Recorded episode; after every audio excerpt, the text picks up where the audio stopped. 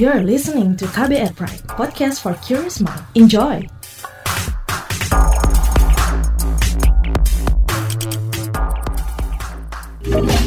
Kamu lagi dengerin What's Trending KBR Pagi. KBR Pagi, siaran pagi radio paling update. Selamat pagi sekali lagi untuk Anda yang baru saja bergabung. Saya Reski Mesanto, hari ini 10 September 2020 masih menjadi teman Anda beraktivitas. Saya masih menggantikan Don Brady. Hari ini saya mau Anda untuk bareng-bareng ngecek, ini specially buat uh, Anda yang mungkin dalam waktu dekat punya plan traveling ke luar negeri Ayo coba dicek tiketnya, kota tujuannya, apakah termasuk dari negara-negara atau kota-kota yang melarang warga negara Indonesia untuk masuk ke wilayahnya. Kenapa saya ajak Anda untuk cek sekali lagi? Karena ada lebih dari 59 negara yang melarang warga negara Indonesia untuk masuk wilayahnya seiring dengan kasus COVID-19 yang terus melonjak di dalam negeri. Jadi kalau saya update atau saya lansir dari Tempo, dua pejabat pemerintah menyebut adanya larangan masuk dari 59 negara bagi warga negara Indonesia. Nah, Bu Menteri Luar Negeri, Bu Retno Marsudi, kepada Tempo juga mengakui bahwa dia sudah menjalin komunikasi dengan negara lain untuk sebisa mungkin melonggarkan larangan masuk. Tapi, larangan masuk ini memang hanya untuk kunjungan bisnis dalam proyek strategis nasional agar perekonomian tetap berjalan. Nah, kalau kita update data pasien terkonfirmasi positif COVID-19, data terakhir kemarin menurut BNPB, jumlah kasus terkonfirmasi COVID-19 secara nasional itu ada lebih dari 203 ribu. Bahkan, selama dua hari berturut-turut terjadi kenaikan lebih dari 3 ribu kasus terkonfirmasi per harinya. Kemarin saya sempat nonton salah satu uh, berita di TV kalau kenaikan angka sekitar dari 150 ribu ke angka 200 itu hanya membutuhkan sekian hari. Mudah-mudahan ini semua segera tuntas. Ini yang akan kita bahas di What's Trending KBR pagi hari ini. Tapi sebelum kita mulai What's Trending, seperti biasa saya mau ajak Anda dulu untuk bareng-bareng dengerin komentar dari netizen plus 62 soal ini. Pertama, akun @sugianto040474 bilang mau taruh di mana muka bangsa Indonesia kalau ditolak 59 negara. Akun @tommyhelga2 bilang kasihan ya. Kalau akun @basori underscore 79 bilang COVID-19 yang jadi primadona di Indonesia. Tapi karenanya Indonesia ditolak di percaturan dunia. Kenapa sampai begitu Indonesia? Efek gagalnya negara melindungi rakyatnya atau rakyat lagi yang harus disalahkan. Akun @dedi ugel bilang, banyak keraguan-raguan dalam bersikap dan bertindak. Sejak awal diingatkan banyak pihak untuk prioritaskan penanganan corona, bukan alih-alih penerapan new normal di saat pandemi masih tinggi-tingginya. Dampak paling buruk saat kita bukan lagi melockdown tapi sudah di lockdown oleh negara lain. Akun @borokokok underscore tweet bilang merupakan tanda penanganan COVID-19 di Indonesia. Buruk di samping masyarakatnya bandel dan anggap remeh terhadap virus corona. Tidak ada ketegasan. Akun @bustomi underscore 26 bilang, larangan sudah wajar bagi WNI. Akun @syam5 bilang, saran aja sih Pahgub underscore Anies Baswedan dan segala pemangku jabatan wilayah Indonesia agar ada efek jerah dan edukasi. Mending para pelanggar ini diberi sanksi. Jadi relawan gali kubur korban COVID. Ada manfaatnya biar petugasnya bisa istirahat. Nah yang terakhir akun Dian Febri bilang, terus ngapain aja aparat selama ini? Polri, TNI, Satpol PP yang ditugaskan di pasar atau tempat umum. Apa hasilnya? Apa benar-benar kerja seperti security di bank yang benar-benar disiplin menegakkan protokol COVID-19? Kerja tidak ada duduk-duduk, tidak pegang HP, dan selalu keliling. What's Trending KBR Pagi? KBR Pagi, siaran pagi radio paling update. Saya Reski Mesanto masih menemani Anda pagi hari ini. Seperti yang sedang kita obrolin pagi hari ini tentang perkara pelarangan warga negara Indonesia untuk masuk di beberapa negara. Kurang lebih ada 59 negara yang sementara melarang warga negara Indonesia untuk masuk ke dalam wilayahnya. Puluhan negara sendiri mengeluarkan tak izinkan warga negara Indonesia atau WNI masuk ke negara mereka, salah satunya Malaysia. Jadi juru bicara Kementerian Luar Negeri Tauku Faizasyah mengatakan, pertanggal 7 September kemarin Malaysia resmi membatasi pergerakan keluar masuknya WNI ke Malaysia. Kenapa diambil keputusan seperti itu? Jadi hal itu dikarenakan peningkatan kasus COVID di Indonesia yang semakin tinggi. Tapi menurut Faizasyah, nggak cuma Indonesia aja, karena ada beberapa negara lain yang juga dibatasi pergerakannya untuk bisa keluar masuk Malaysia. Kalau gitu langsung aja kita dengerin penuturan beliau. Di September 2020, pemerintah Malaysia menerapkan kebijakan pembatasan kunjungan ke Malaysia bagi pemegang izin tinggal jangka panjang, termasuk di antaranya untuk warga negara Indonesia, warga negara Amerika Serikat, warga negara India, Filipina, dan beberapa negara lainnya. Tentunya kebijakan ini akan menimbulkan berbagai tantangan bagi warga negara Indonesia yang bekerja atau melakukan pendidikan di Malaysia. Untuk itu, pemerintah juga telah memberikan himbauan kepada masyarakat Indonesia untuk membatasi perjalanan ke luar negeri untuk menghindari uh, permasalahan yang muncul di masa datang. Tentunya bagi mereka yang uh, saat sekarang terdampak oleh kebijakan ini, uh, kami himbau untuk melakukan komunikasi apakah itu dengan perguruan tinggi atau pihak pemberi kerja sehingga hal-hal uh, yang menyangkut uh, keberadaan mereka secara fisik di Malaysia dapat teratasi. Pemerintah sendiri telah melakukan konsultasi dengan pihak Malaysia untuk memastikan uh, latar belakang penerapan kebijakan tersebut dan hal-hal apa yang perlu dipertimbangkan ke depannya dan mendapatkan konfirmasi bahwa kebijakan ini akan ditinjau uh, per minggunya. Dengan demikian kita harapkan uh, dalam waktu-waktu ke depan akan ada pelonggaran kebijakan. Itu tadi juru bicara Kementerian Luar Negeri Tuku Faizasyah. Lalu bagaimana evaluasi kinerja pemerintah Indonesia dalam penanganan pandemi COVID-19 sejauh ini? Ada waktu itu kan udah sempat PSBB secara total, PSBB transisi dan juga kemarin Gubernur DKI Jakarta ya khususnya itu baru aja bilang kalau akan ditarik rem darurat PSBB. Nah, langsung aja kita obrolin bareng Ketua Satuan Tugas Kesiapsiagaan COVID-19 Ikatan Dokter Indonesia atau IDI, ada Profesor Zubairi Jurban. Selamat pagi Prof, ini terkait 59 negara yang melarang WNI masuk, seperti apa memang evaluasi penanganan COVID-19 di Indonesia sejauh ini? Apa yang salah yang sudah kita lakukan? Intinya adalah yang mereka larang masuk adalah negara dengan jumlah kasus lebih banyak dari negaranya, kasarannya gitu aja. Jadi ya Malaysia menap, eh, dari 23 negara itu termasuk Indonesia. Kita memang nomor 23. Bukan nomor satu, nomor satu kan Amerika. Jadi memang eh, banyak negara yang kasusnya lebih banyak dari negaranya sendiri itu. Apa yang salah dengan kita? Hmm, ya semuanya sudah dikerjakan, cuman belum intens. Jadi misalnya tes sudah kita kerjakan, sudah banyak banget. Namun masih kurang kan e, misalnya jumlah tes itu setiap hari kita masih berkisar 20 ribuan saja.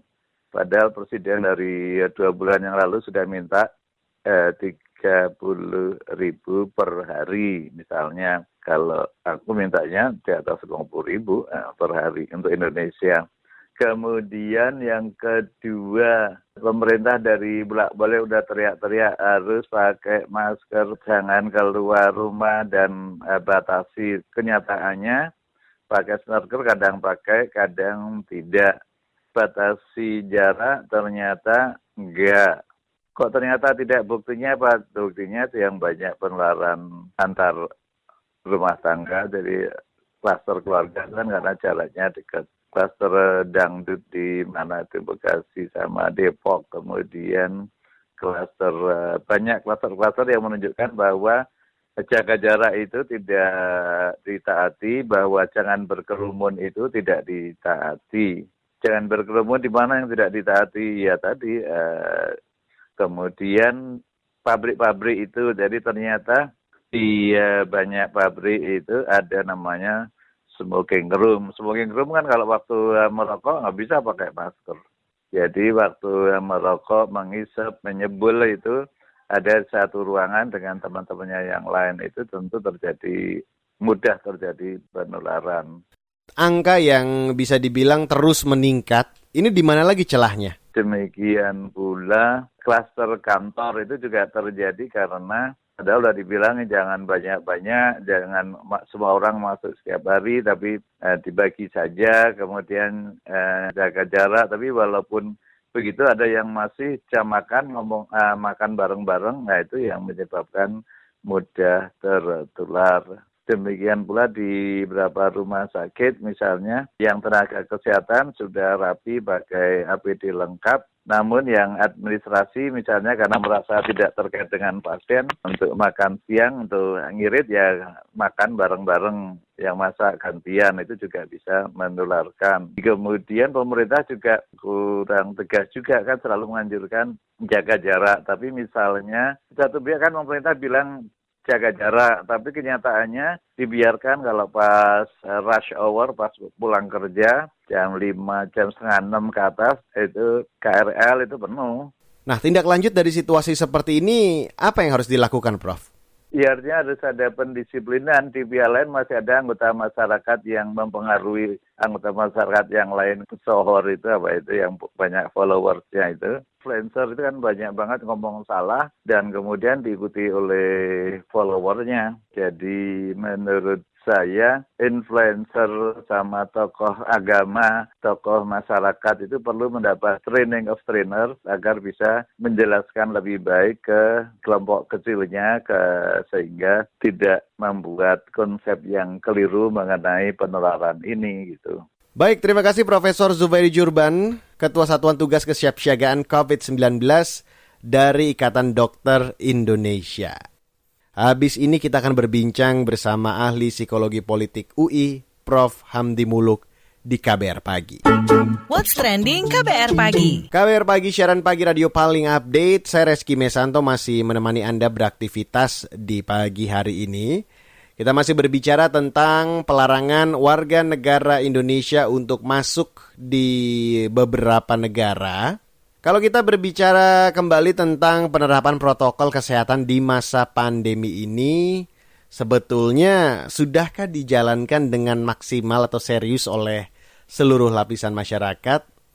Coba diingat-ingat. Masih banyak nggak sih yang suka keluar rumah itu nggak pakai masker atau memaksakan untuk bisa kumpul-kumpul tanpa menjaga jarak? Coba. Mudah-mudahan seluruh pendengar KBR pagi nggak ada ya yang seperti itu ya. Ya udah, sekarang kita langsung aja yuk ngobrol bersama ahli psikologi politik UI ada Prof Hamdi Muluk. Selamat pagi Prof, ini tanggapan soal WNI kita yang dilarang masuk ke 59 negara dengan alasan angka penyebaran COVID-19 yang masih tinggi gimana Prof? Ya biasa aja. Uh, begini ya, banyak orang mengkait-kaitkan dengan sentimen nasionalisme lah.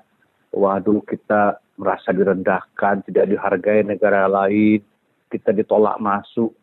Nah, dalam kondisi pandemi sekarang, itu kan ini situasi yang kondisional, kondisinya begitu. Jadi kalau negara membuat uh, travel ban gitu ya, travel warning apa pun namanya, membatasi keluar masuk orang satu negara itu hal yang wajar. Nah kita juga mungkin melakukan, kita juga pertimbangan uh, apa supaya tidak ada imported case, uh, lalu lintas orang dibatasin masuk, atau misalnya kalaupun boleh masuk hal-hal yang uh, krusial misalnya, tapi sampai di sana uh, protokol kesehatannya ketat, sampai di bandara dicek, habis itu anda di karantina dulu. Menurut saya sih tidak ada sesuatu yang terlalu aneh dibesar-besarkan dan banyak orang berkomentar seolah-olah tadi bahwa kita uh, apa dilecehkan oleh 59 negara, Mbak. Jadi menurut saya sih sesuatu hal yang tidak uh, terlalu aneh gitu loh. Terus ada nanti orang membandingkan misalnya, loh tapi uh, warga negara kecil misalnya Haiti itu nggak terlalu di uh, di ban di beberapa negara nggak dimasuk ke list. Ya Haiti negara kecil penduduknya dikit, ya.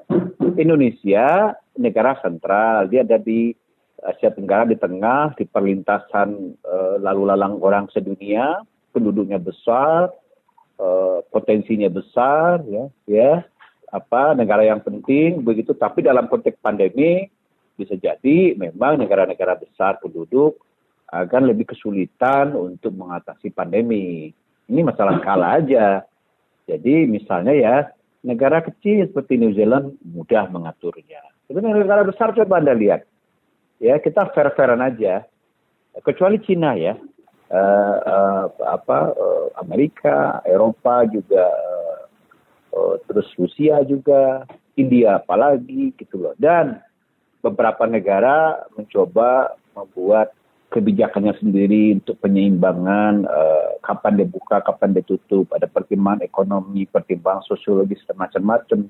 Jadi kompleksitas antar negara juga macam-macam di orang nggak bisa memaksakan kenapa sih satu negara dia nggak misalnya lockdown total supaya dunia yang lain aman kan nggak bisa gitu juga.